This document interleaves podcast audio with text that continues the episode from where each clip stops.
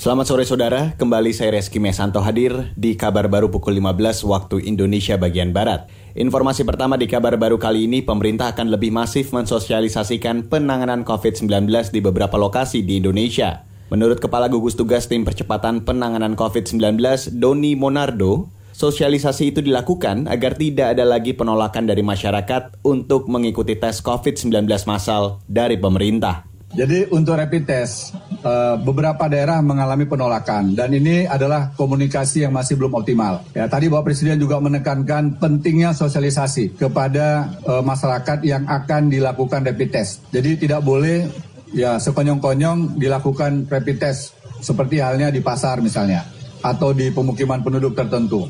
Perlu ada prakondisi, perlu ada sosialisasi, melibatkan tokoh-tokoh yang ada di tempat tersebut.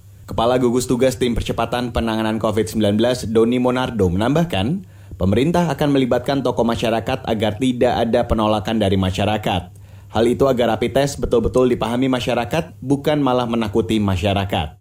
Beralih ke kabar dari luar negeri, pemerintah India akan membuka rumah sakit terbesar di dunia khusus menangani pasien COVID-19.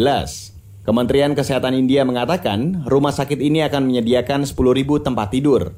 Fasilitas kesehatan yang berlokasi di Chatarpur, New Delhi ini mulai beroperasi penuh untuk merawat pasien terinfeksi virus corona mulai Rabu mendatang.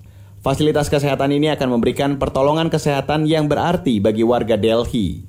Data Kementerian Kesehatan India mencatat total kasus COVID-19 di India mencapai 528 ribuan kasus positif dan hampir 17 ribu kematian.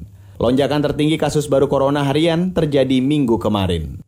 Demikian kabar baru KBR saya Reski Mesanto.